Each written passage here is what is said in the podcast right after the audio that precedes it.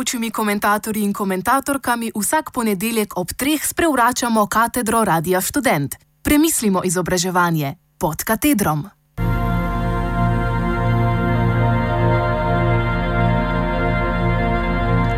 Študentje smo proizvajalci.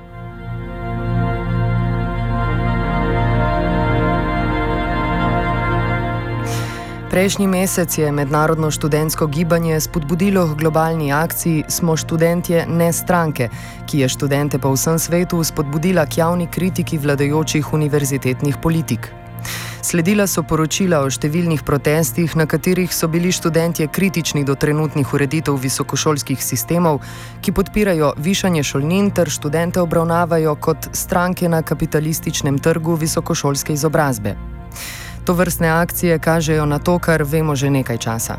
Namreč, da je znanje vedno bolj obravnavano kot ena izmed dobrin, ki je dostopna proti plačilu in ne kot oblika skupnega dobrega.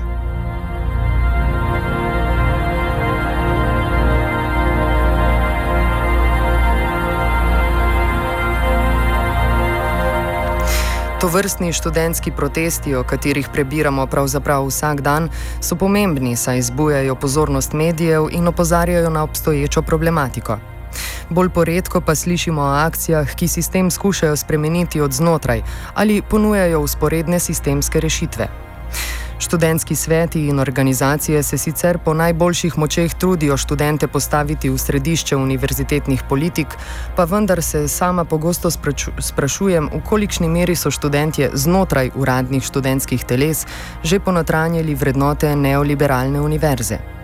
Zato sem bila prijetno presenečena, ko sem izvedela za projekt po imenu Student as Producer, po slovensko študent kot proizvajalec, ter za usporedno idejo The Social Science Center Lincoln ali Center za družbene vede v angliškem mestu Lincoln. Oba projekta izvirata iz prepričanja, da bi študentje morali biti obravnavani kot proizvajalci in ne le prejemniki znanja, ki jim ga ponujajo visokošolski profesori.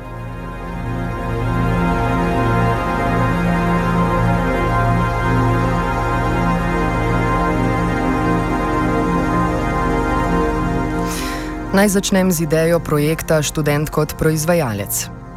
Ta se je med nekaj posamezniki porodila leta 2007 na angliški univerzi v Lincolnu.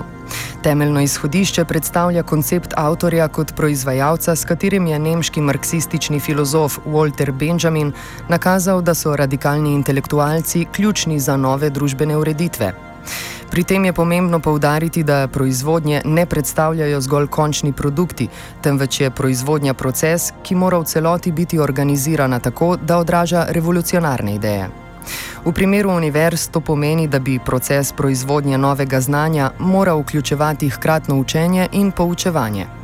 Na tak način bi se študentje lahko osredotočili na znanost, namesto na profesorjevo prisotnost in karizmo.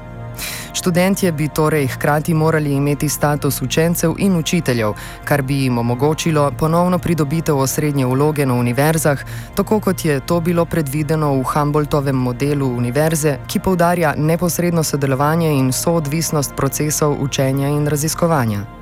Študentje bi tako postali proizvajalci in ne le porabniki znanja.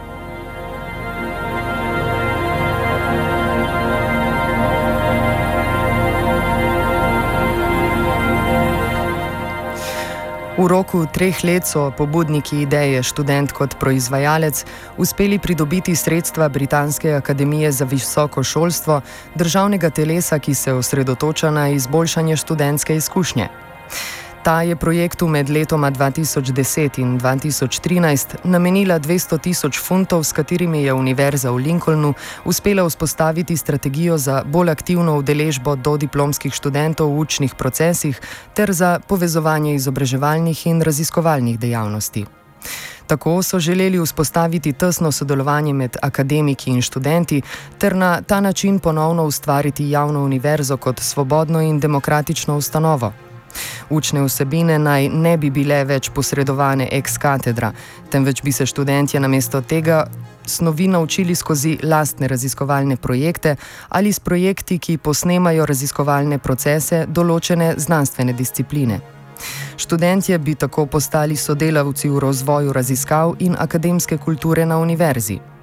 Z namenom povezovanja izobraževalnih in raziskovalnih dejavnosti je bila ustanovljena tudi revija za raziskave do diplomskih študentov po imenu Reinvention, ki je v celoti upravljena strani študentov. Prav tako pa so študentje tisti, ki prispevajo objavljene članke. Z istim namenom so bile v okviru projekta prilagojene tudi predavalnice, v katerih so poskusili odstraniti tako imenovano točko moči. Študentje in predavatelji oboji prispevajo k proizvodnji znanja, torej se to mora odražati tudi v organizaciji učnih ur. Poleg univerze v Lincolnu so projekt podprle še univerze Hertfordshire, Central Lancashire v Warwicku v Veliki Britaniji, univerza Vanderbilt v Združenih državah Amerike, univerza British Columbia v Kanadi in univerza Macquarie v Avstraliji. Pri tem so se pobudniki projekta dobro zavedali pomembnosti institucionalizacije idej študenta kot proizvajalca na ravni organizacij. Le tako bi projekt lahko pridobil status trajne in trajnostne spremembe. Po drugi strani pa je institucionalizacija ideje pomenila, da je program postal do neke mere normaliziran in s tem del vladajočega univerzitetnega sistema, kar je onemogočilo nadaljno radikalizacijo. Tega so se snovalci projekta zavedali in zato usporedno ustanovili Center za družbene vede Lincoln, o katerem več sedaj.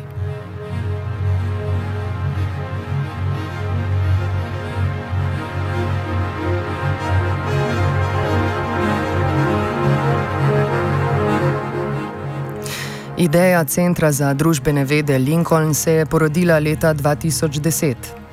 Center je bil ustanovljen kot alternativa uradnemu visokošolskemu sistemu, v katerem, kot rečeno, ideja o študentu kot proizvajalcu ni mogla biti radikalizirana. Nazive študent in predavatelj ali profesor so v centru opustili, da bi se izognili razlikovanju med prejemniki in proizvajalci znanja. Vsi prisotni imajo vlogo, ki vključuje obe poziciji. Namesto tega je v rabi termin učenjak ali strokovnjak, angliško scholar, ki poudarja kolektivno in nehierarhično naravo procesa proizvajanja in pridobivanja znanja. Center je uradno registriran kot svobodna visokošolska kooperativa in predstavlja obliko brezplačne javne visokošolske izobrazbe. Člani centra finančno prispevajo k izvedbi programov po svojih zmožnostih.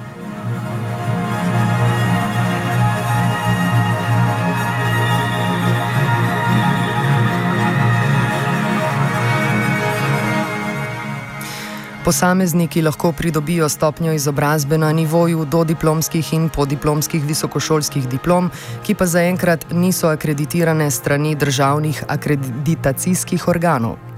Tako imenovani učenjaki lahko pridobijo znanja z področji sociologije, politologije, kulturnih in medijskih študij ter študij spolov.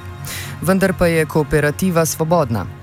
To pomeni, da so študijski programi prilagojeni posameznikom, ki se odločijo za študij, s poudarkom na tem, da se prisotni vedno učijo drug od drugega.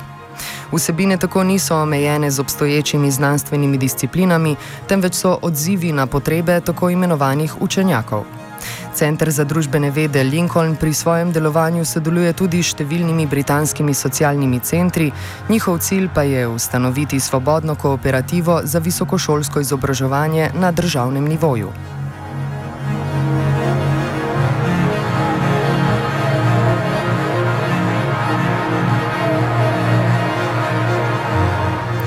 Mike Neary, dekan na Univerzi v Lincolnu in eden glavnih pobudnikov obeh opisanih projektov, zagovarja idejo, da alternativnih oblik visokošolske izobrazbe ne moremo zagotoviti v kapitalistično urejeni državi. Tako je tudi sporočilo številnih študentskih protestov, ki smo jim dnevno priča po vsem svetu, vendar pa se projekt Študent kot proizvajalec in Center za družbene vede Lincoln od protestov razlikujeta v nekaterih pomembnih pogledih.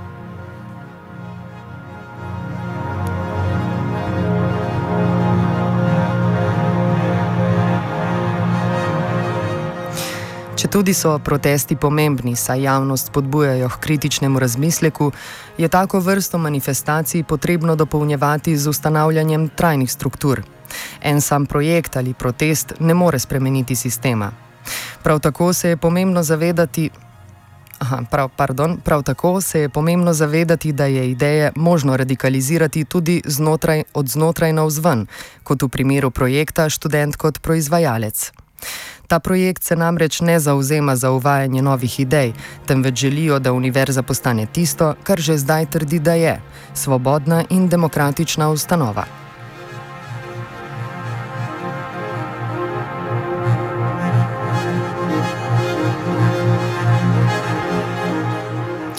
Tako gre v bistvu za politizacijo že obstoječih praks.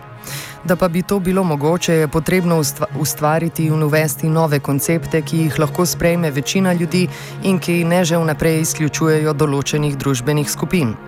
Kot je dejal Mike Neary, sam sicer kritičen sociolog in marksist, je upanje v idejah, ki bodo uspele prepričati tudi tiste, ki niso marksisti, če tudi, nedvomno, če tudi so te nedvomno zaznamovane z marksističnim pogledom na svet.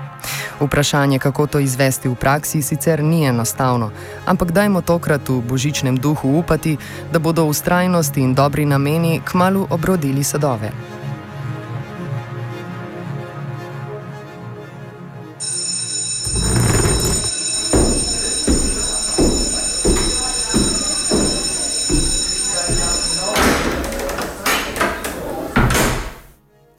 Komentar je pripravila Meta Gorup.